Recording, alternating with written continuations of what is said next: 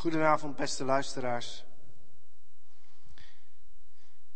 Welkom in de Morgenster of in de verbinding met de Morgenster. Zometeen ga ik een prachtig verhaal voorlezen, een van de mooiste verhalen uit de 19e eeuw. Het verhaal Lent van Büchner. En um, u denkt misschien, nou, wij hebben ook een rare dominee dat hij dat doet. Dat is ook zo. Um, ik doe het ook gewoon omdat het kan. Maar natuurlijk ook omdat we in deze coronatijd elkaar niet meer op de gewone manieren kunnen zien en ontmoeten. En omdat voorgelezen worden natuurlijk eigenlijk hartstikke leuk is. Um, pas stond daar nog een mooi artikel over in de krant.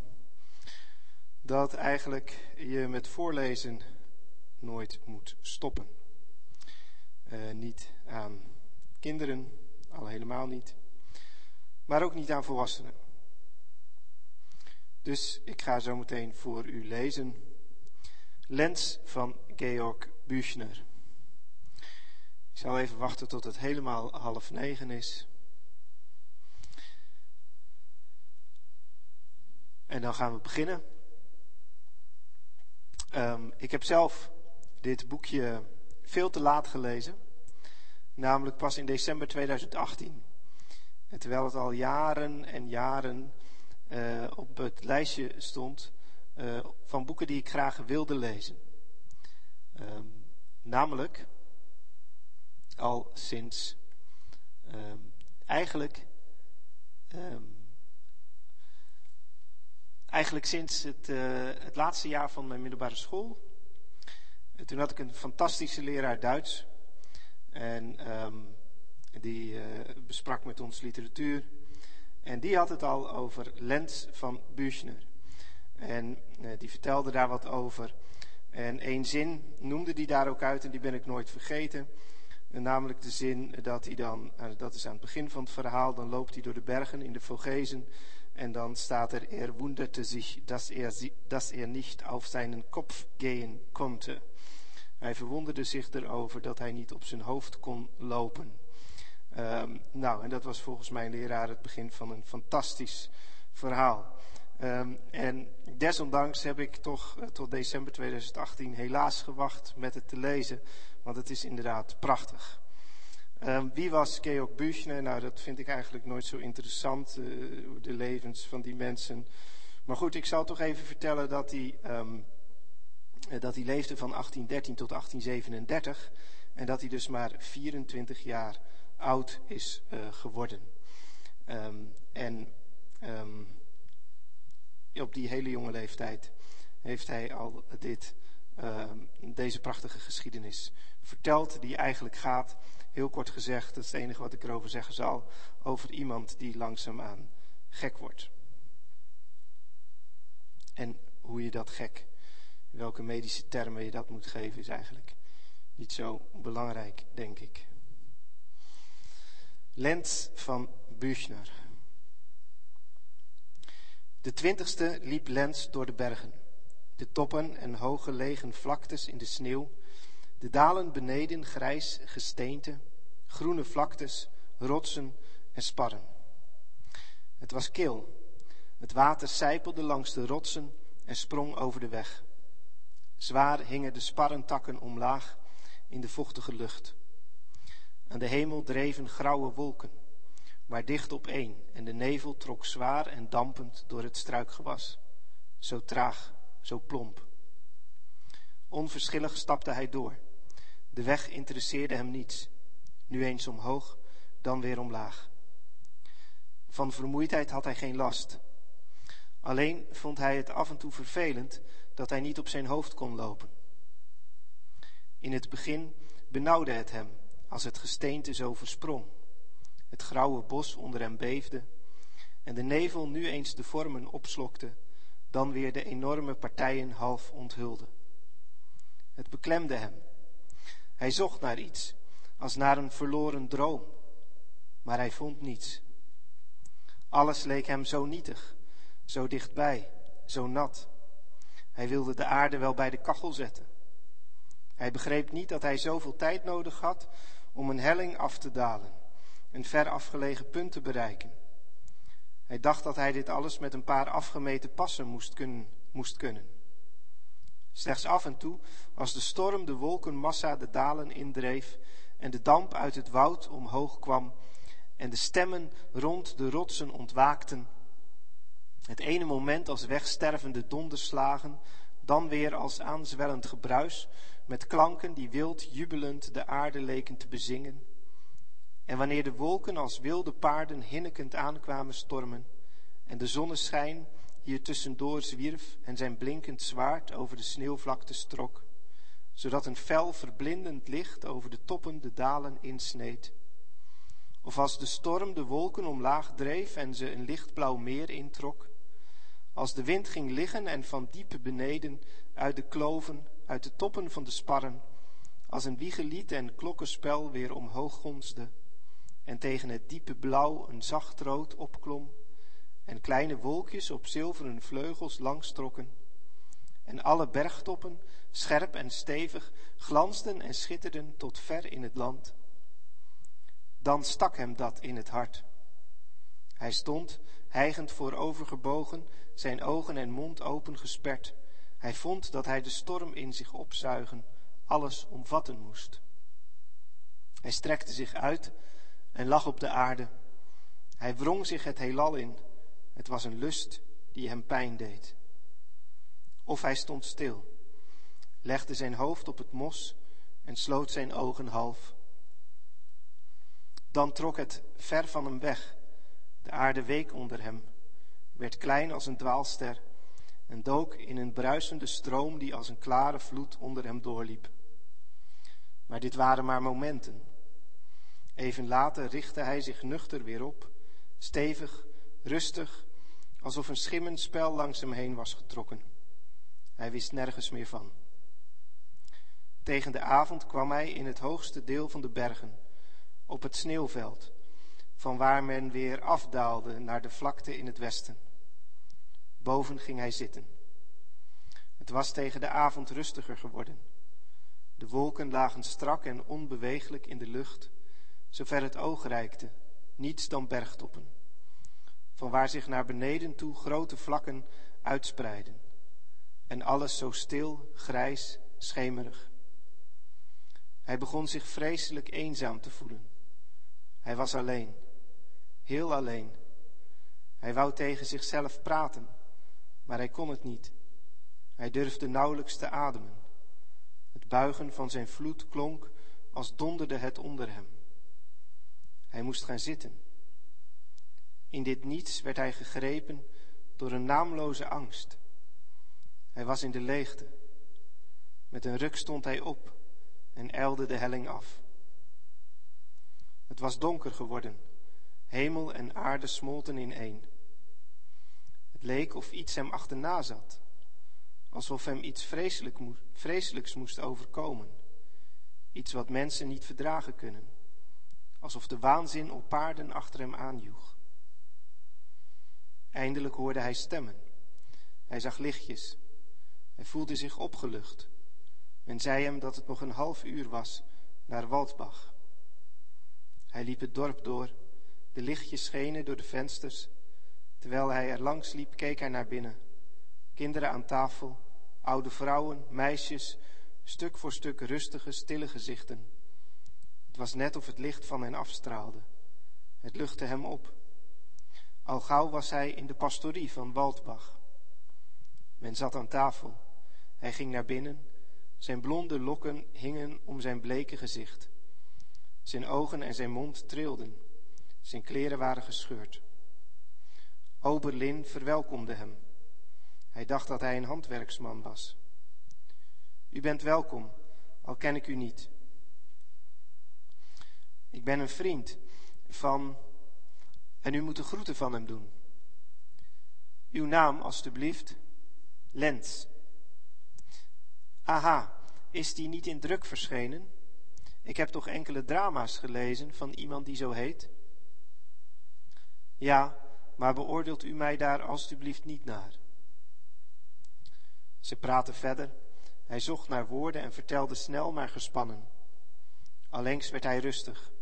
De huiselijke sfeer en de stille gezichten die uit de schaduw naar voren kwamen, het heldere gezicht van het kind waar al het licht op scheen te rusten en dat nieuwsgierig vol vertrouwen opkeek naar de moeder die wat naar achteren in de schaduw zat, stil als een engel.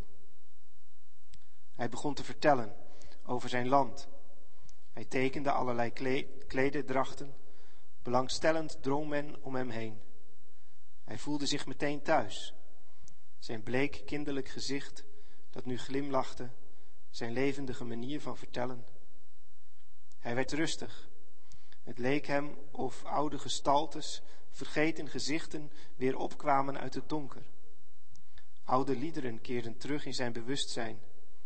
Hij was weg, ver weg. Ten slotte was het tijd om te gaan. Men bracht hem naar de overkant van de straat. In de pastorie was geen plaats. Hij kreeg een vertrek in het schoolgebouw. Hij ging naar boven. Het was er koud. Een ruime kamer, kaal. Achterin een hoog bed. Hij zette de lamp op tafel en liep op en neer. Hij keek terug op deze dag, hoe hij hierheen was gekomen, waar hij nu was. De kamer bij de dominee met de lichtjes en de vriendelijke gezichten. Ze leken hem nu een schim, een droom. En hij werd door de leegte bevangen, weer net als op de berg. Maar hij kon dit met niets meer opvullen. Het licht was gedoofd. De duisternis slokte alles op. Een onnoemelijke angst maakte zich van hem meester. Hij sprong op. Hij liep de kamer door, de trap af, tot voor het huis. Maar tevergeefs enkel duisternis, niets. Hij was zichzelf, een droom. Losse gedachten flitsten op. Hij hield ze vast. Hij meende steeds onze Vader te moeten zeggen. Hij wist niet meer waar hij was. Een duister instinct dwong hem zich te redden. Hij stootte tegen de stenen. Hij reed zich open met zijn nagels. Van pijn begon hij weer tot bewustzijn te komen. Hij stortte zich in het bekken van de bron, maar het water was niet diep. Hij plofte erin. Kwamen mensen. Ze hadden het gehoord. Ze riepen naar hem. Oberlin kwam aangehold. Lens was weer tot zichzelf gekomen. Hij besefte volledig in wat voor toestand hij zich bevond. Hij was weer helder. Nu schaamde hij zich en voelde zich bedroefd, omdat hij deze brave mensen had laten schrikken. Hij zei dat hij gewoon was een koud bad te nemen en liep weer naar boven. Door de uitputting kwam hij eindelijk tot rust. De volgende dag ging het goed. Met Oberlin te paard door het dal. Brede bergvlaktes die van grote hoogte samenkwamen in een smal, kronkelig dal dat her en der hoog de bergen introk. Grote rotspartijen die naar beneden toe uitdijden. Weinig bos, maar alles in een grijs, ernstig waas. Uitzicht naar het westen, het land in en op de bergketen, die net iets lager naar het noorden en het zuiden liep. En waarvan de toppen er overweldigend, ernstig of doodstil bij stonden, schemerig als een droom. Enorme lichtmassa's die af en toe als een gouden vloed uit de dalen kwamen opzetten. Dan weer wolken die rond de hoogste top lagen en dan langzaam langs het bos naar beneden toe het dal indaalden. Of in het blinkend zonlicht zwevend als zilveren spoken neerdaalden en zich weer verhieven. Geen geluid, geen beweging, geen vogel, niets dan het waaien van de wind, nu eens dichtbij, dan weer ver weg. Ook werden, de stippen, ook werden stippen zichtbaar, geraamtes van hutten met stro bedekte planken, zwart en stemmig van kleur. De mensen, zwijgzaam en ernstig, alsof ze de rust in hun dal niet durfden verstoren, groeten kalm wanneer ze voorbijreden. In de hutten was het een drukte van belang. Men verdrong zich rond Oberlin. Hij deelde terechtwijzingen uit, gaf raad, troostte, overal blikken vol vertrouwen, gebed. De mensen vertelden hun dromen, bange vermoedens. Dan snel naar het leven van alle dag, de aanleg van wegen, het graven van kanalen, een bezoek aan de school. Oberlin was onvermoeibaar. Lens vergezelde hem al die tijd, nu eens in gesprek, dan weer bij zakelijke bezigheden of verzonken in de natuur. Dit alles had een weldadige, kalmerende invloed op hem. Hij moest vaak naar de ogen van Oberlin kijken en de grote rust die ons overvalt diep in het woud. In maanverlichte, zoele zomernachten, als de natuur rust, leek hem nog nabijer in deze kalme ogen, in dit eerbiedwaardige, ernstige gezicht. Hij was verlegen, maar hij maakte opmerkingen. Hij sprak. Oberlin vond het heel aangenaam met hem te praten en hij genoot intens van het ontwapenende, kinderlijke gezicht van Lens. Maar alleen zolang het licht was in het dal, kon hij het eruit houden. Tegen de avond werd hij overvallen door een vreemde angst. Hij had de zon wel achterna willen hollen. Naarmate de schaduwen meer bezit namen van de dingen om hem heen, leek het hem of hij droomde, of niets meer klopte. Werd hij als een kind dat in het donker slaapt, door angst overvallen. Het was hem of hij blind was. Nu groeide de angst. De nachtmerrie van de waanzin ging aan zijn voeten zitten. De uitzichtloze gedachte dat alles maar een droom was, kwam in hem op. Hij klampte zich vast aan alle voorwerpen. Gestaltes trokken snel langs hem heen. Hij drukte zich tegen hen aan. Het waren schimmen. Het leven week uit hem en zijn ledematen waren geheel verstijfd. Hij sprak, hij zong, hij declameerde passages uit Shakespeare. Hij greep alles aan wat anders zijn bloed sneller deed stromen. Hij probeerde alles, maar koud, koud. Hij moest naar buiten, de open ruimte in. Als zijn ogen aan het duister waren gewend, deed het schaarse, door de nacht verspreide licht hem goed. Hij stortte zich in de bron. Door de bijtende kou van het water knapte hij op. Ook hoopte hij heimelijk dat hij een ziekte had. Hij maakte nu bij het baden minder lawaai. Maar naarmate hij meer aan het leven deelnam, werd hij rustiger. Hij assisteerde Oberlin, tekende, las de Bijbel. Oude, vervlogen verwachtingen kwamen weer in hem tot leven. Het Nieuwe Testament werd hier zo tastbaar voor hem. En op een morgen ging hij naar buiten. Wat Oberlin hem niet allemaal vertelde, hoe een dwingende hand hem op de brug had laten stoppen, hoe een fel licht hem hoog in de bergen had verblind, hoe hij een stem had gehoord en dat hij in de nacht was toegesproken en God zo volledig bezit van hem had genomen, dat hij als een kind zijn bijbelloodjes uit zijn zak haalde om te weten wat hij doen moest. Dit geloof, deze verbondenheid van de eeuwige hemel met het leven, dit bestaan in God. Pas nu drong de betekenis van de Heilige Schrift tot hem door. Hoe de natuur zo dicht bij de mensen kwam, vol hemelse mysteriën. Niet verpletterend, majestueus, maar nog vertrouwd. In de ochtend trok hij erop uit. S'nachts was er sneeuw gevallen. In het dal straalde de zon, maar verderop was het land half in nevels gehuld. Hij verliet al gouden weg en ging een licht glooiende helling op, langs een sparrenbos, waar geen spoor van voetstappen meer was. De zon tekende kristallen. De sneeuw was rul en vlokkig. Hier en daar losjes in de sneeuw een spoor van wild dat het gebergte inliep. In de lucht roerde zich niets dan een kalme wind en het geruis van een vogel, van wiens staart de vlokken lichtjes afstoven. Alom deze stilte, en tot ver in de omtrek de bomen met hun wiegende witte pluimen in de diepblauwe lucht. Geleidelijk werd het geheimenisvol voor hem, de eenvormige, reusachtige vlakken en lijnen, waar hij nu en dan van dacht dat ze hem deunend, dreunend toespraken, waren verhuld. Een geheimzinnig kerstgevoel bekroop hem. Af en toe dacht hij dat zijn moeder van achter een boom tevoorschijn zou komen, groot, om hem te zeggen dat zij hem dit alles had gegeven als kerstgeschenk. Toen hij naar beneden ging, zag hij dat zich rond zijn schaduw een stralende regenboog vormde. Het kwam hem voor of iets zijn voorhoofd had aangeraakt. Het wezen sprak tot hem. Hij kwam beneden aan. Oberlin was in zijn kamer. Lens stapte opgewekt op hem af en zei dat hij een keer wilde preken. Bent u theoloog? Ja. Goed. Aanstaande zondag. Vergenoegd ging Lens naar zijn kamer.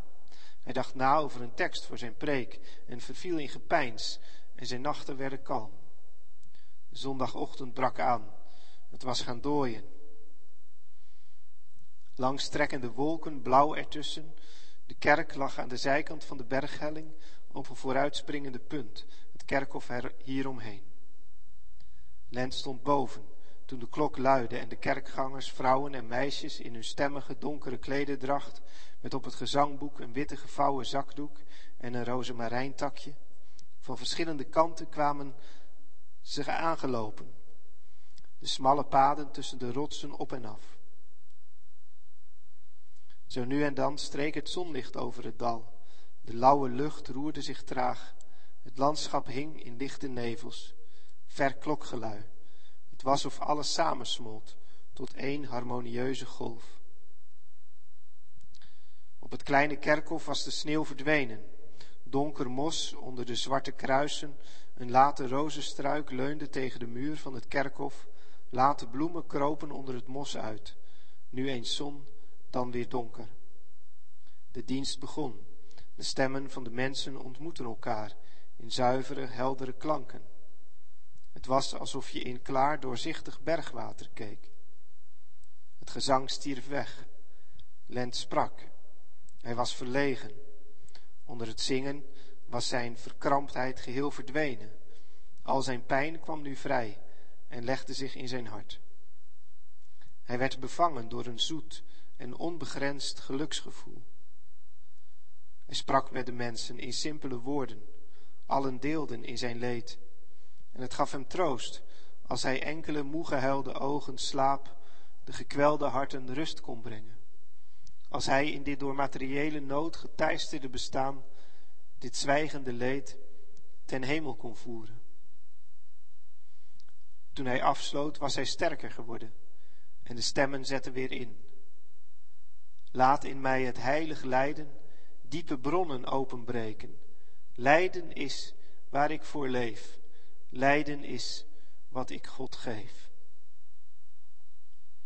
De druk in hem, de muziek, de pijn schokte hem. Het universum leek hem bedekt met wonden. Hij voelde er diep en onzegbaar de pijn van. Nu een ander wezen, goddelijke, bevende lippen bogen over hem heen en zogen zich aan zijn lippen vast. Hij liep naar zijn verlaten kamer. Hij was alleen, alleen. Daar ruiste de bron, stromen braken uit zijn ogen. Hij kromp ineen. Zijn ledematen schokten. Het leek hem of hij in het niets moest opgaan. Hij kon het eind van de wellust niet vinden. Ten slotte brak het licht in hem door. Hij voelde een zacht, diep medelijden in zich opkomen. Hij moest om zichzelf huilen. Zijn hoofd zonk op zijn borst. Hij sliep in. Vol stond de maan aan de hemel. Zijn lokken vielen over zijn slapen. En zijn gezicht, de tranen, hingen aan zijn wimpers en droogden op zijn wangen. Zo lag hij daar nu alleen. En alles was rustig en stil en koud. En de maan scheen de hele nacht en stond boven de bergen. De volgende ochtend kwam hij naar beneden. En vertelde Oberlin heel kalm hoe zijn moeder hem die nacht was verschenen. In een witte jurk was ze uit de donkere kerkhofmuur naar voren gekomen. En op haar borst prijkten een witte en een rode roos. Hierna zonk zij weg in een hoek en de rozen groeiden langzaam over haar heen. Zij was zeker dood. Hij zei dat hij hier heel rustig onder was. Oberlin vertelde nu op zijn beurt dat hij bij de dood van zijn vader alleen op het land was geweest toen een stem had gehoord waardoor hij wist dat zijn vader dood was. En toen hij thuis kwam, was dit inderdaad zo. Van het een kwamen ze op het ander. Obelin vertelde nog over de mensen in het gebergte, over meisjes die het water en metaal dat onder de grond zat voelden, over mannen die soms hoog in de bergen werden beetgepakt en worstelden met een geest. Hij vertelde hem ook dat hij zelf in het gebergte ooit in een soort somnambule toestand was geraakt door in een leeg, diep bergmeer te kijken. Lens zei dat de geest van het water over hem was gekomen, dat hij toen iets van zijn eigenlijke bestaan had ervaren. Hij vervolgde, eenvoudige en zuivere naturen zijn het nauwst verbonden met het elementaire. Naarmate de mens geestelijk fijner voelt en leeft, stond dit gevoel voor het elementaire af. Hij vond het niet een hoogstaande toestand, daarvoor ontbrak de zelfstandigheid te veel. Maar wel dacht hij dat je je onuitsprekelijk gelukkig moest voelen als je zo werd aangeraakt door het bijzondere leven dat in iedere vorm aanwezig was. Als je ziel zich kon openen voor gesteenten, metalen, water en planten. Als je elk wezen in de natuur als in een droom in je op kon nemen, zoals bloemen doen met de lucht bij het wassen en krimpen van de maan. Hij weidde hier verder over uit, hoe in alles een niet in woorden te vatten harmonie, klank en gelukzaligheid aanwezig was, die in de hogere vormen een veelheid aan organen had om zich te uiten, te klinken, in zich op te nemen, maar die daardoor ook des te meer onrust kende. Hoe in de lagere vormen alles meer teruggedrongen, beperkter was, waardoor de innerlijke rust echter groter was. Hij ging hier nog over door. Oberlin brak het af. Het voerde hem te ver van zijn eenvoudige aard. Een andere keer liet Oberlin hem gekleurde plaatjes zien. Hij legde hem uit in welke relatie elke kleur tot de mensen stond. Hij toonde de twaalf apostelen, elk vertegenwoordigd door een kleur. Lens nam dit in zich op. Hij fantaseerde hierop verder, kreeg angstdromen en begon net als Stilling de apocalyps te lezen en las veel in de Bijbel. Rond deze tijd kwam Kaufman met zijn aanstaande naar het Steendal. Aanvankelijk vond Lens de ontmoeting niet aangenaam. Hij had zo zijn eigen plekje gevonden. Het beetje rust was hem zo kostbaar. Nu kwam hier iemand die zoveel herinneringen bij hem wakker maakte, met wie hij praten, converseren moest, die van zijn toestand op de hoogte was. Oberlin was dit helemaal niet. Hij had hem opgenomen, verzorgd. Hij zag het als een goddelijke beschikking dat de ongelukkige bij hem was gekomen. Hij gaf veel om hem. Dat hij er was, gold als iets vanzelfsprekends. Hij hoorde bij hen, alsof hij er al lang was. En niemand vroeg waar hij vandaan kwam of naartoe zou gaan. Aan tafel was Lens weer in een goede stemming. Er werd over literatuur gesproken. Hij bevond zich op eigen terrein. De idealistische periode was toen net begonnen. Kaufman was daar een aanhanger van. Lens ging er heftig tegenin. Hij zei: De schrijvers, van wie wordt gezegd dat zij de werkelijkheid weergeven, snappen het ook niet. Maar in elk geval zijn zij beter te verdragen dan degene die de werkelijkheid willen verfraaien. Hij zei: De goede God zal de wereld toch wel gemaakt hebben zoals zij moet zijn. En iets beters in elkaar flansen kunnen wij niet.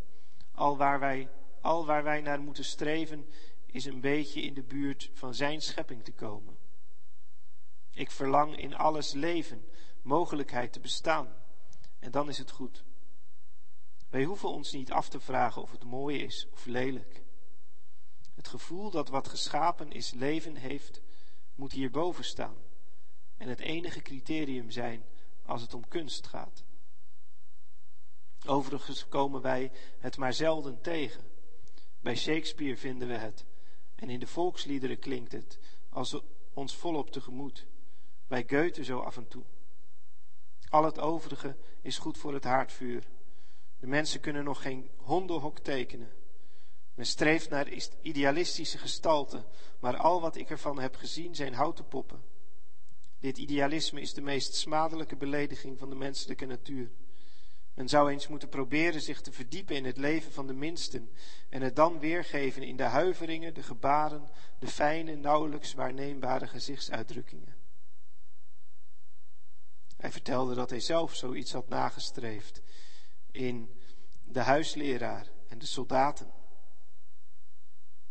Het zijn de meest prozaïsche mensen op aarde, maar de gevoelstroom is bij haast iedereen even sterk. Alleen verschilt de dikte van het omhulsel waar hij doorheen moet breken. Je hoeft er enkel ogen en oren voor te hebben. Toen ik gisteren in de buurt van het dal naar boven liep, zag ik op een steen twee meisjes zitten. De ene bond het haar op, de andere hielp haar. Goudkleurige haren die omlaag hingen en een ernstig bleek gezicht en toch zo jong. En die zwarte kledij en de ander zo zorgzaam. De mooiste, innigste schilderijen uit de oud-Duitse school geven hier nauwelijks een flauwe afspiegeling van. Soms zou je willen dat je een hoofd van Medusa was, om ze in steen te veranderen en de mensen erbij te roepen. Ze stonden op, het mooie groepje was vernietigd. Maar toen zij tussen de rotsen door omlaag gingen, vormde zich weer een ander beeld. De mooiste beelden, de krachtigste klanken komen samen, vervluchtigen.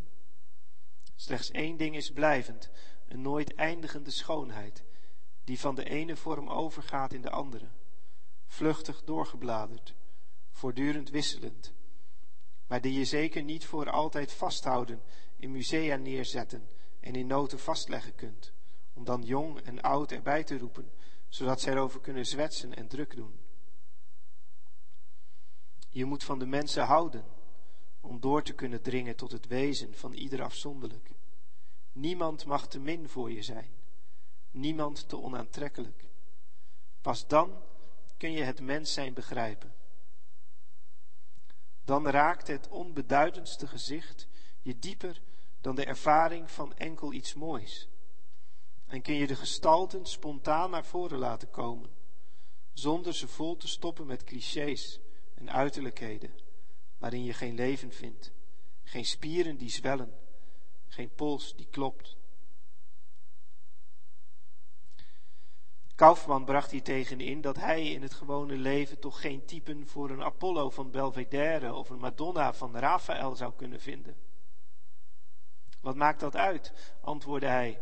Eerlijk gezegd, eerlijk gezegd geven die mij een erg doods gevoel. Als ik mij inspan, kan ik er nog wel iets bij voelen, maar dan presteer ik zelf nog het meest. Het liefst heb ik dichters en schilders die de natuur zo waarheidsgetrouw mogelijk weergeven, zodat hun beelden mij raken. Al het overige stoort mij. Ik houd meer van de Hollandse schilders dan van de Italiaanse. Ze zijn ook de enige die begrijpelijk zijn. Ik ken maar twee schilderijen, en wel van Hollanders, die mij echt aan het Nieuwe Testament doen denken. Het ene toont Christus en de Emmausgangers. Van wie het is, weet ik niet. Als je leest hoe de apostelen erop uittrokken, ligt in die paar woorden meteen de hele natuur. Het is een betrokken, schemerachtige avond. Aan de horizon één rode streep, de straat half duister. Dan komt een onbekende naar hen toe. Zij praten. Hij breekt het brood. Dan herkennen zij hem in de gedaante van een eenvoudig mens. En zijn goddelijk leidende trekken spreken klare taal. En ze schrikken, want het is donker geworden. En hun overkomt iets onbegrijpelijks. Maar het is geen huivering als voor een spookbeeld. Het is alsof een geliefde overledene je in de schemering als van ouds tegemoet komt. Zo is het schilderij, met die zacht bruine tint er gelijkmatig overheen, de sombere stille avond. Dan dat andere schilderij. Een vrouw zit in haar kamer, het gebedenboek in haar handen. Alles is op zijn zondags opgepoetst. Het zand is gestrooid, zo behagelijk proper en warm. De vrouw kon niet naar de kerk gaan en bidt nu thuis. Het raam staat open. Ze zit hier naartoe gewend. En het is of over het wijde, vlakke land de klokken tonen uit het dorp het venster binnenzweven en of het gezang van de nabije gemeente dat uit de kerk komt wegsterft en de vrouw leest de tekst na. Zo sprak hij maar door. Men luisterde aandachtig. Hij zei veel rake dingen. Onder het praten was hij rood geworden en terwijl hij nu eens glimlachte, dan weer ernstig was, schudde zijn blonde lokken. Hij was zichzelf totaal vergeten. Na het eten nam Kaufman hem apart. Hij had brieven van Lens vader ontvangen. Zijn zoon moest terugkomen, hem ondersteunen. Kaufman zei hem dat hij hier zijn leven vergooide, nutteloos verspeelde. Hij zou zich een doel moeten stellen, enzovoorts. Lens voer tegen hem uit. Hier weg, weg, naar huis, gek worden daar. Je weet dat ik het nergens uithoud, behalve hier in deze omgeving. Als ik niet af en toe de bergen in kan en de omgeving zien, en dan weer omlaag naar het huis, de tuin door en naar het venster om naar binnen te kijken, zou ik dol worden. Dol.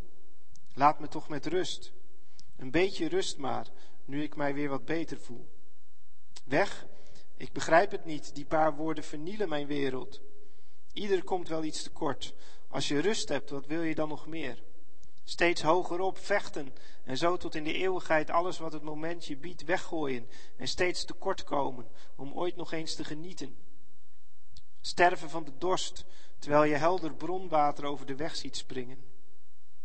Het is hier draaglijk voor mij, vandaar dat ik ook blijven wil. Waarom? Waarom? Omdat ik mij goed voel. Wat wil mijn vader? Kan hij mij wat geven? Onmogelijk, laat me met rust. Hij wond zich op. Kaufman vertrok. Lens was kwaad. De volgende dag wilde Kaufman weg en probeerde Oberlin te overreden met hem mee naar Zwitserland te gaan. De wens Lavater, die hij al lange tijd kende via een briefwisseling, nu ook persoonlijk te leren kennen, gaf voor Oberlin de doorslag. Hij stemde toe. Vanwege de voorbereidingen moesten ze een dag langer wachten. Bij Lens kwam dit hard aan. Om zich te bevrijden van zijn onmetelijke lijden had hij zich angstig aan alles vastgeklampt. Op sommige momenten drong diep tot hem door dat hij voor zichzelf alles alleen maar mooier maakte. Hij ging met zichzelf om als met een ziek kind. Veel gedachten, heftige gevoelens, raakte hij slechts onder de grootste angsten weer kwijt. En dan trof het hem opnieuw met, met mateloze kracht. Hij beefde, zijn haren gingen haast overeind staan, tot hij uitgeput raakte van al die onvoorstelbare spanningen.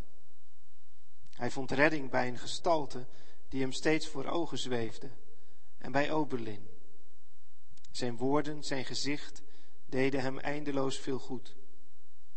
Daarom zag hij diens vertrek met angstige moed. Lens vond het naar nu alleen in het huis achter te blijven. Het was zacht weer geworden. Hij besloot Oberlin tot in de bergen te vergezellen. Aan de andere kant, waar de dalen uitliepen in de vlakte, namen zij afscheid. Hij ging alleen terug. Hij zwierf in verschillende richtingen door de bergen. Brede vlakte strekte zich naar beneden uit tot in de dalen. Weinig bos, niets dan reusachtige lijnen en verder weg de uitgestrekte dampende laagvlakte. In de lucht een hevige wind, nergens een spoor van mensen, behalve hier en daar, leunend tegen de hellingen, een verlaten hut waarin zomers herders verbleven. Het werd stil. Misschien droomde hij half. Alles versmolt voor hem tot één lijn, als een golf die rees en daalde tussen hemel en aarde.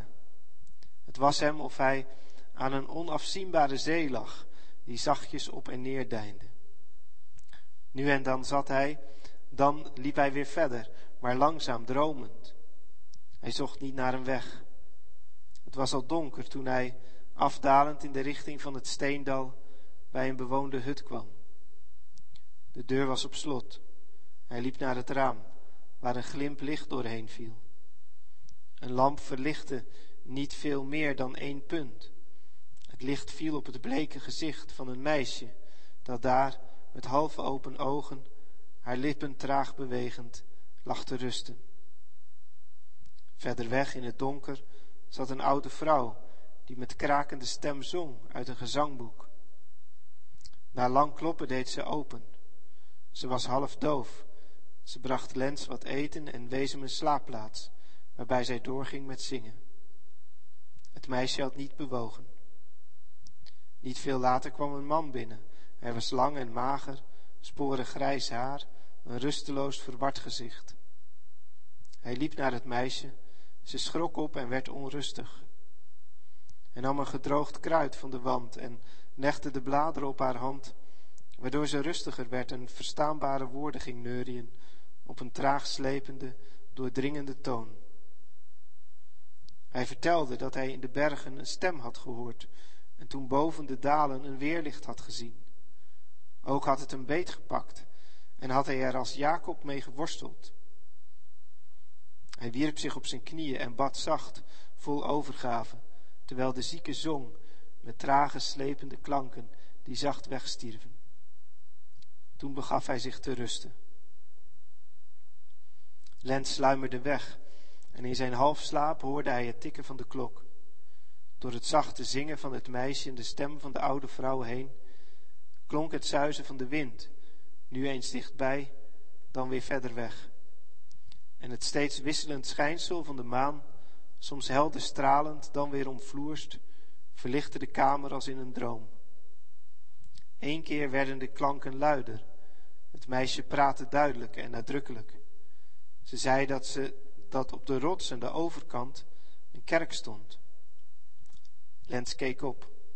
Ze zat rechtop aan tafel met haar ogen wijd open en de stille maan verlichtte haar trekken, waarvan een onheilspellende glans leek uit te gaan.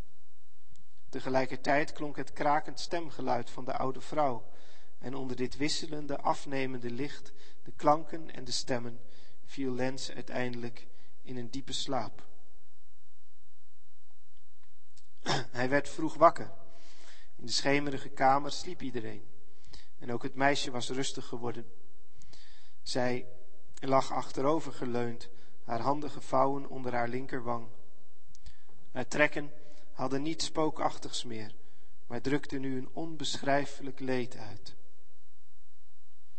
Hij liep naar het raam en deed het open. De kille ochtendlucht sloeg hem tegemoet. Het huis lag aan het eind van een smal diep dal dat naar het oosten toe wijder werd. Rode stralen schoten door het ochtendgrauwen heen, het schemerige met witte damp gevulde dal in, en lieten de grijze stenen fonkelen en weerkaatsten, weerkaatsten in de ramen van de hutten. De man werd wakker. Zijn ogen vielen op een stralende voorstelling aan de wand. Ze bleven hieraan gekluisterd.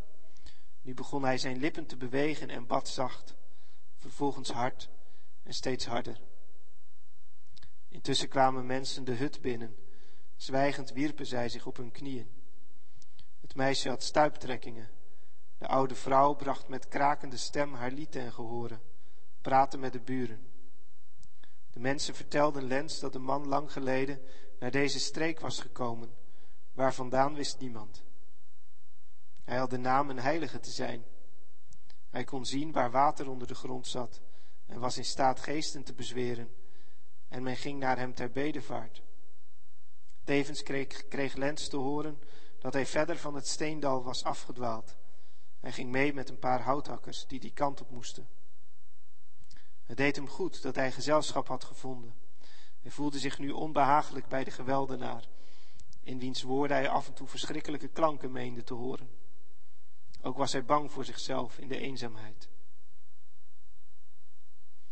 Hij was thuis, hij kwam thuis, maar de voorbije nacht had een diepe indruk op hem gemaakt. De wereld had hem klaar voor ogen gestaan. Een in zichzelf besloten woelen en krioelen in de richting van een afgrond waar een onverbiddelijke kracht hem naartoe sleurde. Hij doorwroette nu zichzelf. Hij at weinig, halve nachten in gebed en koortsige dromen. Een agressieve drang en dan uitgeput teruggeslagen. Hete tranen stroomden over zijn wangen. Dan weer kreeg hij plotseling kracht en richtte hij zich koel en onbewogen op. Zijn tranen leken hem dan van ijs. Hij moest lachen. Hoe hoger hij zich verhief, des te dieper stortte hij neer. Alles liep weer door elkaar. Vage noties van zijn vroegere toestand schoten door hem heen en wierpen dwaallichten in de woeste chaos van zijn geest. Overdag zag hij gewoonlijk beneden in de kamer. Madame Oberlin liep af en aan. Hij tekende, schilderde, las, greep naar al wat verstrooiing bood, steeds gejaagd van het een naar het ander. Toch zocht hij nu in het bijzonder Madame Oberlins gezelschap, als zij in de kamer haar plekje innam, naast een plant, met haar zwarte gezangboek voor zich, het jongste kind tussen haar knieën. Ook hield zij zich veel, ook hield hij zich veel met het kind bezig. Zo zat hij daar op een keer toen de angst hem overviel. Hij sprong op, liep heen en weer. Een deur half open. Toen hoorde hij het dienstmeisje zingen. Eerst onverstaanbaar, vervolgens kwamen de woorden. Geen vreugde heb ik hier op aarde. Ik heb mijn schat en die is ver. Dat raakte hem. Hij bezweek haast onder de klanken. Madame Oberlin keek hem aan. Hij vatte moed. Hij kon niet meer zwijgen, hij moest erover praten. Lieve Madame Oberlin, kunt u mij niet zeggen hoe het gaat met de vrouw wier lot mij als een steen op het hart ligt? Maar meneer Lins, ik weet van niets. Hierop zweeg hij weer en liep gejaagd op en neer in de kamer. Toen begon hij weer. Weet u, ik wil weg. God, jullie zijn nog de enige bij wie ik het zou kunnen uithouden. En toch, ik moet hier weg, naar haar. Maar ik kan niet. Ik mag niet. Hij was diep bewogen en ging naar buiten. Tegen de avond kwam Lens terug. In de kamer schemerde het. Hij ging naast madame Oberlin zitten. Weet u, zo begon hij weer, als zij door de kamer liep en zo half in zichzelf zong en elke stap muziek was, had zij iets zo gelukzaligs en dat stroomde in mij over. Steeds was ik rustig als ik naar haar keek, of als zij zo met haar hoofd tegen mij aanleunde. En God, God, ik ben al lange tijd niet meer rustig geweest. Echt een kind. Het leek of de wereld te groot voor haar was. Zij, zij trok zich zo terug in zichzelf. Zij zocht het kleinste plekje van het hele huis en daar zat zij, alsof heel haar zaligheid zich op één klein punt concentreerde. En dan voelde ik het net zo. Als een kind had ik toen kunnen spelen. Nu voelt het zo eng. Zo eng, weet u. Soms lijkt het of mijn handen tegen de hemel aanstoten. Oh, ik stik. Vaak is het mij of ik daarbij fysieke pijn voel, daar in de linkerkant in de arm die ik vroeger om haar heen sloeg. Maar ik kan mij haar niet meer voor de geest halen. Haar beeld loopt bij mij weg en dat is een marteling. Alleen als ik een enkele keer heel helder word, voel ik mij weer echt goed. Later sprak hij hier met madame Oberlin nog vaak over, maar meestal enkel in flarden van zinnen. Ze wist er maar weinig op te zeggen. Toch deed het hem goed. Intussen gingen zijn godsdienstige kwellingen maar door. Hoe leger en killer het hem van binnen was, hoe meer hij zich voelde afsterven, des te sterker werd zijn drang zichzelf in vuur en vlam te zetten. Hij moest denken aan de tijden dat alles in hem kolkte, toen hij bijna verdronk in zijn gevoelens. En nu zo dood. Hij wanhoopte aan zichzelf, wierp zich dan ter neer, wrong zijn handen in elkaar, woelde alles weer in zich op, maar dood, dood. Dan smeekte hij God hem een teken te geven. Hij wroette in zichzelf, vastte, lag in trance op de grond. Op 3 februari hoorde hij dat in Foudet een kind was gestorven. Dit werd een idee fix voor hem. Hij trok zich terug in zijn kamer en vastte een dag. De vierde liep hij plotseling de kamer in naar madame Oberlin, zijn gezicht ingesmeerd met as, en vroeg om een oude zak. Zij schrok. Hij kreeg wat hij wilde. Hij wikkelde de zak om zich heen, als een boeteling, en sloeg de weg in naar Foudet. De mensen in het dal waren al aan hem gewend. Men vertelde elkaar allerlei vreemde verhalen over hem. Hij kwam in het huis waar het kind lag. De mensen gingen zonder op te zien met hun bezigheden door. En wees hem een kamer. Het kind lag in een hemd op stro op een houten tafel.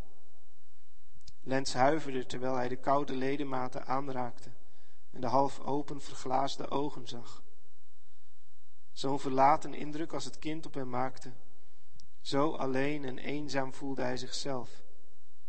Hij wierp zich op het lijk neer. De dood joeg hem schrik aan. Een hevige pijn greep hem aan. Deze trekken, dit stille gezicht, moest in ontbinding overgaan. Hij wierp zich ter aarde en bad, wanhopig van verdriet, God om een teken en of hij het kind weer tot leven wilde wekken en dat hij zwak en ongelukkig was.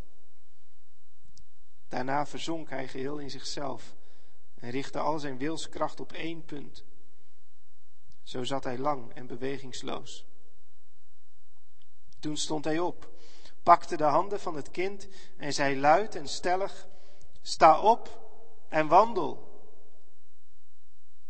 Maar de muren weerkaatsten nuchter zijn klanken, als om hem te bespotten, en het lijk bleef koud. Hij stortte zich half waanzinnig op de grond, dan dreef het hem op naar buiten de bergen in.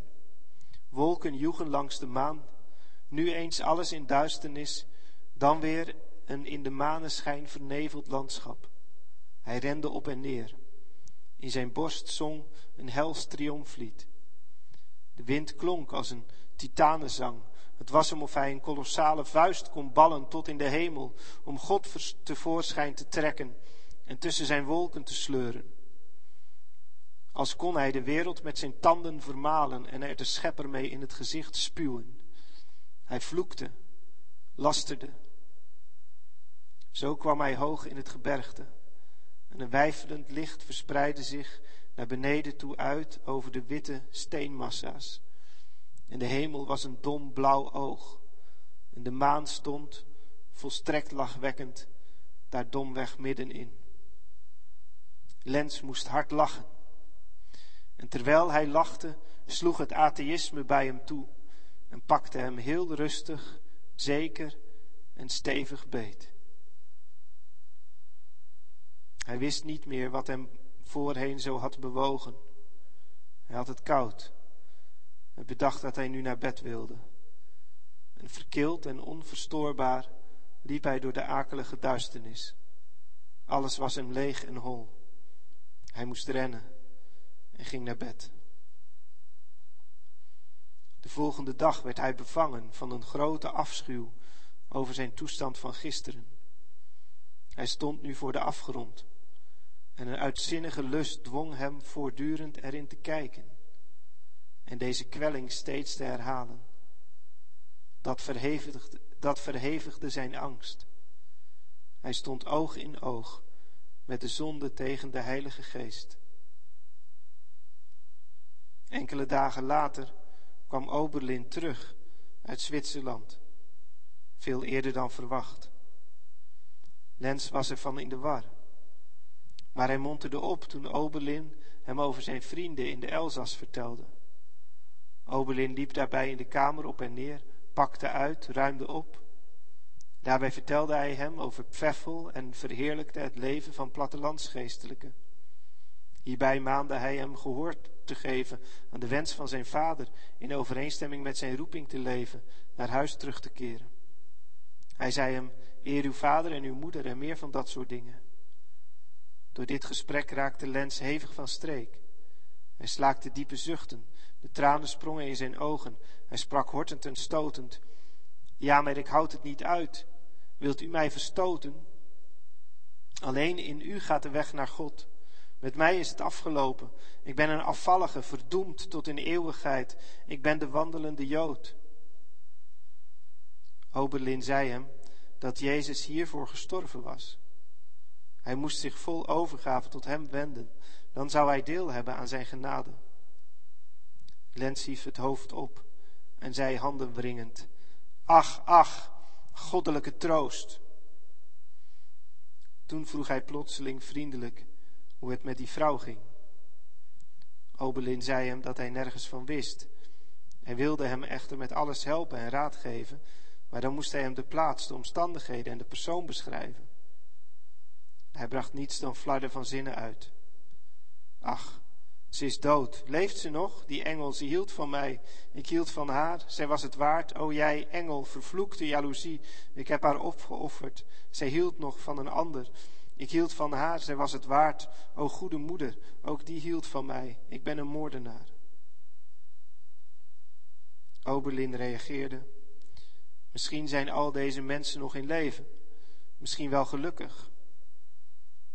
Hoe dat ook zij, als hij zich bekeerde, kon en zou God deze mensen door zijn gebed en tranen zoveel goeds brengen, dat het nut dat zij in dat geval van hem hadden waarschijnlijk heel wat groter zou zijn dan de schade die hij hun had berokkend. Toen werd hij geleidelijk kalmer en ging weer schilderen. Smiddags kwam hij terug. Over zijn linkerschouder hing een stuk bont en in zijn hand droeg hij een bos twijgen, die Obelin samen met een brief voor Lens had meegekregen. Hij gaf de twijgen aan Obelin en wilde dat hij hem ermee sloeg. Obelin nam de twijgen uit zijn hand, drukte hem enkele kussen op de mond en zei dat dit de slagen waren die hij kon geven. Hij moest proberen kalm te zijn, enkel met God zijn zaak klaren. Alle soorten slagen zouden niet één van zijn zonden kunnen delgen. Daar had Christus voor geleden. Tot hem moest hij zich wenden. Hij ging. Bij het avondeten was hij als gewoonlijk enigszins zwaarmoedig. Toch sprak hij over van alles, maar angstig en gejaagd. Rond middernacht werd Oberlin gewekt door lawaai. Lens holde over het erf, riep hard met een holle stem de naam Frederike, die hij met zeer grote snelheid, verwarring en vertwijfeling uitsprak. Vervolgens stortte hij zich in het bekken van de bron, spatte in het rond en weer uit en omhoog naar zijn kamer, dan weer omlaag het bekken in en zo verschillende keren. Ten slotte werd hij stil. De dienstmeisjes die in de kinderkamer onder hem sliepen, zeiden dat zij vaak, maar vooral deze nacht, een gebrom hadden gehoord, dat ze enkel met het paargeluid van een watersnip konden vergelijken. Misschien was het zijn geweeklaag, met een holle, schrikbarende, angstverwekkende stem volgende dag kwam Lens niet, lang niet opdagen. Uiteindelijk ging Oberlin naar boven, zijn kamer in. Hij lag in bed, rustig en onbeweeglijk. Oberlin moest lang doorvragen voordat hij antwoord kreeg. Ten slotte zei hij: Tja, dominee, ziet u, de verveling, de verveling. Oh, zo vervelend. Ik weet helemaal niet meer wat ik zeggen moet. Ik heb alle figuren op de muur al getekend. Oberlin zei hem dat hij zich tot God moest wenden. Toen lachte hij en zei: Ja, als ik zo gelukkig was als u om zo'n prettig tijdverdrijf te vinden, ja, dan zou de tijd wel vol te krijgen zijn. Alles komt uit ledigheid, want de meesten bidden uit verveling. Een ander wordt uit verveling verliefd. Een derde wordt er deugdzaam van. Een vierde wordt een deugniet. En ik helemaal niets. Ik heb zelfs geen zin mij van het leven te beroven.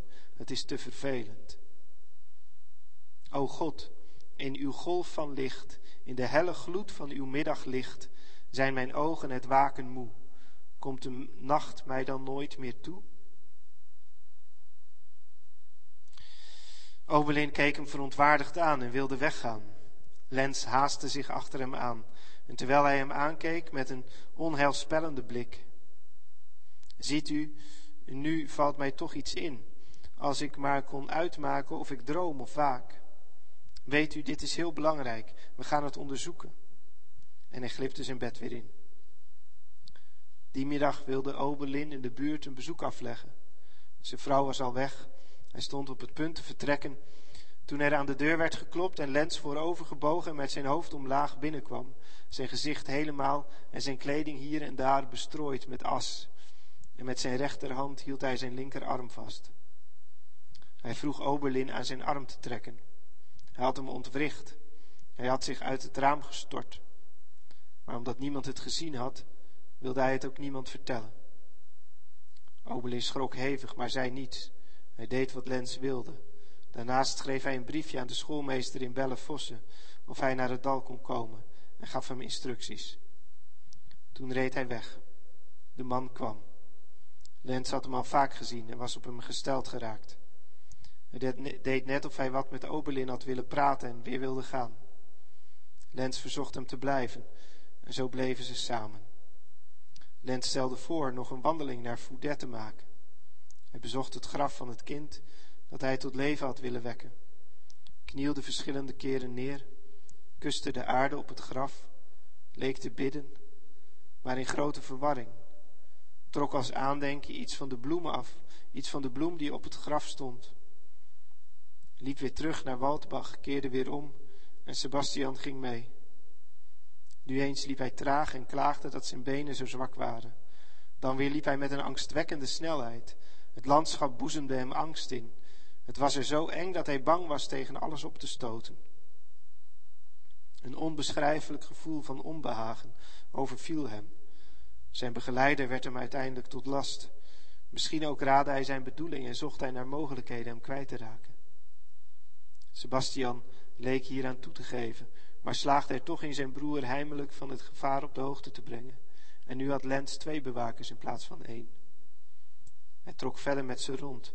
Uiteindelijk ging hij terug naar Waldbach en toen ze in de buurt van het dorp kwamen, keerde hij zich bliksemsnel om en uilde als een hert terug naar Foudet. De mannen gingen achter hem aan. Terwijl ze in Foudet naar hem zochten, kwamen er twee marskramers die vertelden dat men in een huis een vreemdeling had vastgebonden die zich uitgaf voor een moordenaar, maar dat beslist niet kon zijn. Ze liepen naar het huis en troffen hem in die toestand aan. Omdat hij zo wild tekeer ging, had een jonge man hem uit angst vastgebonden. Ze maakten hem los en brachten hem zonder problemen naar Waldbach, waar intussen Oberlin met zijn vrouw was teruggekeerd. Hij zag er verward uit. Maar toen hij merkte dat hij vriendelijk en liefdevol ontvangen werd, vatte hij weer moed. Zijn gezicht kreeg een mildere uitdrukking. Hij bedankte zijn begeleiders vriendelijk en zachtmoedig. En de avond verliep rustig. Obelin verzocht hem met nadruk niet meer te gaan baden, tijdens de nacht rustig in bed te blijven en als hij niet kon slapen te bidden tot God. Hij beloofde het. Hij deed dit de volgende nacht ook dienstmeisjes hoorden hem haast de hele nacht bidden. De volgende dag kwam hij met een tevreden uitdrukking op zijn gezicht Obelins kamer binnen.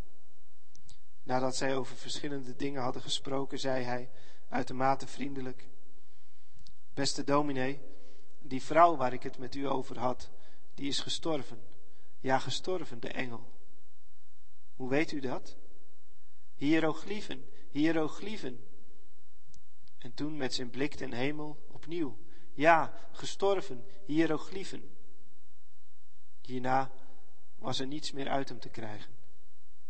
Hij ging zitten en schreef enkele brieven, gaf ze vervolgens een Oberlin met het verzoek er een paar regels aan toe te voegen. Zijn toestand was inmiddels steeds troostelozer geworden. Alle rust die hij had geput uit het samen zijn met Oberlin en de stilte van het dal was verdwenen. In deze wereld die hij had willen dienen, zat een enorme barst. Geen haat had hij, geen liefde, geen hoop. Een verschrikkelijke leegte en toch een folterende drang deze op te vullen. Niets. Wat hij deed, deed hij wel bewust, maar toch onder druk van een innerlijk instinct. Als hij alleen was, voelde hij zich zo verschrikkelijk eenzaam dat hij voortdurend hardop met zichzelf sprak, riep, en dan schrok hij weer en leek het hem of een vreemde stem met hem gesproken had. Tijdens een gesprek stokte hij vaak. Een onbeschrijfelijke angst overviel hem. Hij was het eind van zijn zin kwijt. Dan dacht hij dat hij het laatst uitgesproken woord moest vasthouden en steeds weer uitspreken. Slechts met grote moeite onderdrukte hij deze aanvechtingen. Het raakte de goede mensen diep als hij rustig en onbevangen met hen pratend soms ineens bleef steken en er in zijn trekken zich een onuitsprekelijke angst aftekende. Dan pakte hij degene die het dichtst bij hem zaten krampachtig bij de arm en kwam maar heel langzaam weer tot zichzelf. Was hij alleen of las hij, dan was het nog erger. Al zijn geestelijke activiteit bleef soms in één gedachte besloten. Moest hij aan een vreemde denken of haalde hij zich zo iemand voor de geest, dan had hij het gevoel of hij zelf die persoon werd. Hij raakte volledig van streek en daarbij kwam nog een onstuitbare drang om in gedachten met alles om hem heen naar willekeur om te gaan. De natuur, de mensen, op Oberlin na, als in een droom, Hij amuseerde zich met het plaatsen van huizen op daken, het aan- en uitkleden van mensen, het uitdenken van de meest dwaze grappen. Soms voelde hij een onweerstaanbare drang zo'n gril uit te voeren, en dan trok hij vreselijke grimassen. Op een keer zat hij naast Oberlin. De kat lag tegenover hen op een stoel. Plotseling verstarden zijn ogen. Strak hield hij zich gericht op het dier. Toen gleed hij langzaam van zijn stoel. De kat deed hetzelfde. Ze leek betoverd door zijn blik, bevangen van een hevige angst. Schuw zette ze een hoge rug op. Lens maakte dezelfde geluiden, met een afschuwelijk vertrokken gezicht. En vertwijfeld stortte zij zich op elkaar, tot madame Oberlin uiteindelijk opstond om ze uit elkaar te halen. Dan schaamde hij zich weer diep. Zijn nachtelijke aanvallen bereikten nu een verschrikkelijk hoogtepunt. Slechts met de grootste moeite sliep hij in, terwijl hij daarvoor nog de verschrikkelijke leegte had proberen te vullen. Dan raakte hij tussen droom en waken in een vreselijke toestand. Hij stuitte op iets gruwelijks, iets ontzettends. De waanzin greep hem beet. Met een ijzingwekkend geschreeuw, badend in het zweet, richtte hij zich op. En slechts beetje bij beetje hervond hij zich weer. Om weer tot zichzelf te komen, moest hij dan met de eenvoudigste dingen beginnen. Eigenlijk deed hij dit niet zelf, maar een enorme drang tot zelfbehoud. Het leek wel of hij gespleten was, of het ene deel het andere probeerde te redden en tegen zichzelf schreeuwde. Hij vertelde verhalen, hij zei onder de hevigste angsten gedichten op, tot hij weer tot zichzelf kwam. Deze aanvallen kreeg hij ook overdag. Ze waren dan nog verschrikkelijker. Want vroeger had het daglicht hem ervoor behoed. Hij meende dan dat alleen hij bestond, als was de wereld enkel in zijn verbeelding aanwezig, alsof er niets dan hij, de eeuwig verdoemde, de Satan, was, alleen met zijn martelende voorstellingen. Met razende snelheid joeg hij door zijn leven heen en dan zei hij, consequent, consequent, als iemand sprak, inconsequent, inconsequent. Het was de afgrond van een waanzin waaruit geen redding mogelijk was, van een waanzin die eeuwig duurt. De drift tot zelfbehoud joeg hem op. Hij stortte zich in Oberlins armen, hij krampte zich aan hem vast, alsof hij in hem wilde dringen. Hij was voor hem het enige wezen dat leefde en door wie het leven weer aan hem geopenbaard werd. Langzaam brachten Oberlins woorden hem dan weer tot zichzelf. Hij lag op zijn knieën voor Oberlin, zijn handen in Oberlins handen, zijn met koud zweet bedekt voorhoofd in diens schoot, bevend en trillend over heel zijn lichaam. Oberlin voelde een oneindig medelijden. De familie lag op de knieën en bad voor de ongelukkige. De dienstmeiden vluchtten weg en hielden hem voor een bezetene. En als hij kalmer werd, leek dit op het verdriet van een kind. Hij snikte. Hij voelde een diep, diep medelijden met zichzelf. Dat waren ook zijn vredigste momenten. Oberlin sprak met hem over God. Lens maakte zich rustig van hem los en keek hem aan met een uitdrukking waaruit oneindig lijden sprak. En zei tenslotte: Maar ik, als ik almachtig was, ziet u, als ik dat zou zijn, ik zou dat lijden niet kunnen verdragen. Ik zou redden, redden. Ik wil toch niets anders dan rust, rust, enkel een beetje rust en kunnen slapen. Oberlin zei dat dit heiligschennis was. Troosteloos schudde Lens zijn hoofd. Zijn halve zelfmoordpogingen, die intussen regelmatig plaatsvonden, waren niet helemaal serieus. Het was niet zozeer een verlangen naar de dood. Voor hem bracht de dood immers geen rust en geen hoop. Het was eerder een poging zichzelf terug te vinden door fysieke pijn, op momenten van vreselijke angst of van een doffe, aan het niet zijn grenzende rust. De momenten waarop het leek dat zijn geest een of andere verdwaasde idee najoeg, waren nog de gelukkigste. Dat gaf toch een beetje rust. En zijn warrige blik was niet zo ontstellend als die om redding schreeuwende angst, die eeuwig kwellende onrust. Vaak sloeg hij met zijn hoofd tegen de muur, of verzorgde zichzelf een andere, hevige fysieke pijn. De achtste bleef hij s'morgens in bed. Obelin ging naar boven. Hij lag half naakt op bed en was gejaagd. Obelin wilde hem toedekken, maar hij klaagde er erg over dat alles zo zwaar was.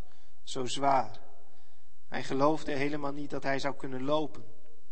Nu ondervond hij eindelijk hoe vreselijk zwaar de lucht was. Obelin sprak hem moed in. Hij bleef echter liggen zoals hij lag en bleef dat het grootste deel van de dag. Ook nam hij geen voedsel tot zich. Tegen de avond werd Oberlin bij een zieke in Bellefosse geroepen. Het weer was zacht en de maan scheen. Op de terugweg kwam hij Lens tegen. Hij leek geheel bij zinnen en sprak rustig en vriendelijk met Oberlin. Deze vroeg hem niet te ver weg te gaan. Hij beloofde het. Bij het weggaan draaide hij zich plotseling om en ging weer vlak bij Obelin staan en zei vlug: Ziet u, dominee, als ik dat nu maar niet meer zou hoeven horen, dat zou mij helpen. Wat dan, vriend? Hoort u dan niets? Hoort u dan niet die verschrikkelijke stem, die langs heel de horizon schalt en die men meestal de stilte noemt? Sinds ik in het stille dal ben, hoor ik het steeds. Ik kan er niet van slapen. Ja, dominee, als ik maar weer eens een keer kon slapen. Dan liep hij hoofdschuddend verder. Obelin ging terug naar Waldbach en wilde iemand achter hem aansturen. Maar hoorde hem toen de trap oplopen naar zijn kamer. Een ogenblik later plofte er iets op het erf met zo'n harde klap dat Hobelin meende dat dit onmogelijk door het neervallen van een mens kon komen. Het kindermeisje kwam doodsbleek en bevend over al haar leden. In doffe berusting zat hij in het rijtuig, terwijl zij het dal uitreden naar het westen. Het maakte hem niet uit waar hij naartoe werd gebracht.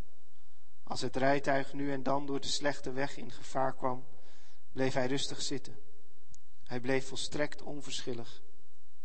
In deze toestand legde hij de weg door de bergen af. Tegen de avond waren ze in het Rijndal. Geleidelijk verwijderden, zich van het, verwijderden zij zich van het gebergte, dat zich nu als een diep blauwe golf van kristal verhief in het avondrood. En op de golven van warmte die van daaruit opstegen, speelden de rode stralen van de avond. Boven de vlakte aan de voet van het gebergte lag een blauwig, zacht glanzend weefsel. Naarmate ze dichter bij Straatsburg kwamen, werd het donkerder. Een hoge, volle maan, alle voorwerpen in de verte donker, alleen de nabijgelegen berg tekende een scherpe lijn.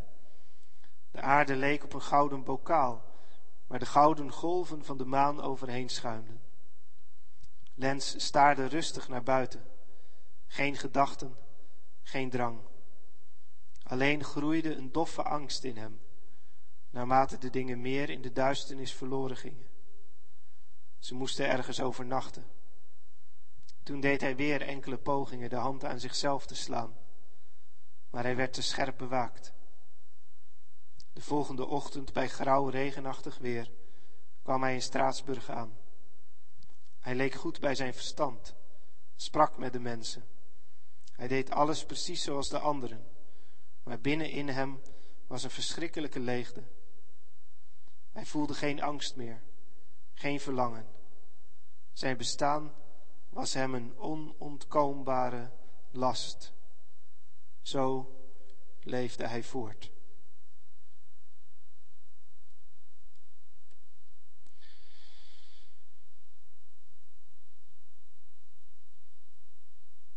Tot zover Lens van Georg Büchner. Ik vroeg me af hoe lang het voorlezen van 35 bladzijden zou duren. Een uur en tien minuten zie ik. Ik ben benieuwd wie het tot zover heeft uitgehoord. Um, maar ik denk toch wel een indrukwekkend verslag van een ondergang. Um, waar ik nu verder maar niet meer zoveel over zal zeggen. Um, behalve misschien dit, dat van die Hollandse schilders. Um, ik houd meer van de Hollandse schilders dan van de Italiaanse. Zij zijn ook de enige die begrijpelijk zijn. En hij kent maar twee schilderijen, en wel van Hollanders, die echt aan het Nieuwe Testament doen denken. En dat is in de toespraak die hij houdt, waarin het erover gaat, um, eigenlijk over het verschil tussen uh, idealisme en realisme. En dat veel kunst eigenlijk uh, aan de werkelijkheid probeert te ontsnappen, eigenlijk in iets hogers. Terwijl hij zegt waar het om gaat in de kunst, um, uh, dat is juist dat wij de werkelijkheid weergeven zoals die echt is. Um, de goede God zal de wereld toch wel gemaakt hebben zoals zij moet zijn. En iets beters in elkaar flansen kunnen wij niet, zegt hij dan. Uh, en in de kunst kunnen we alleen dus maar proberen daarbij dichtbij te komen. En dat je daarom ook niet moet houden van sommige mensen. En jezelf dus ook niet moet proberen af te schermen van allerlei andere mensen. Um, maar dat niemand te min voor je moet zijn en niemand te onaantrekkelijk. Pas dan kun je de mens, kun je het mens zijn begrijpen.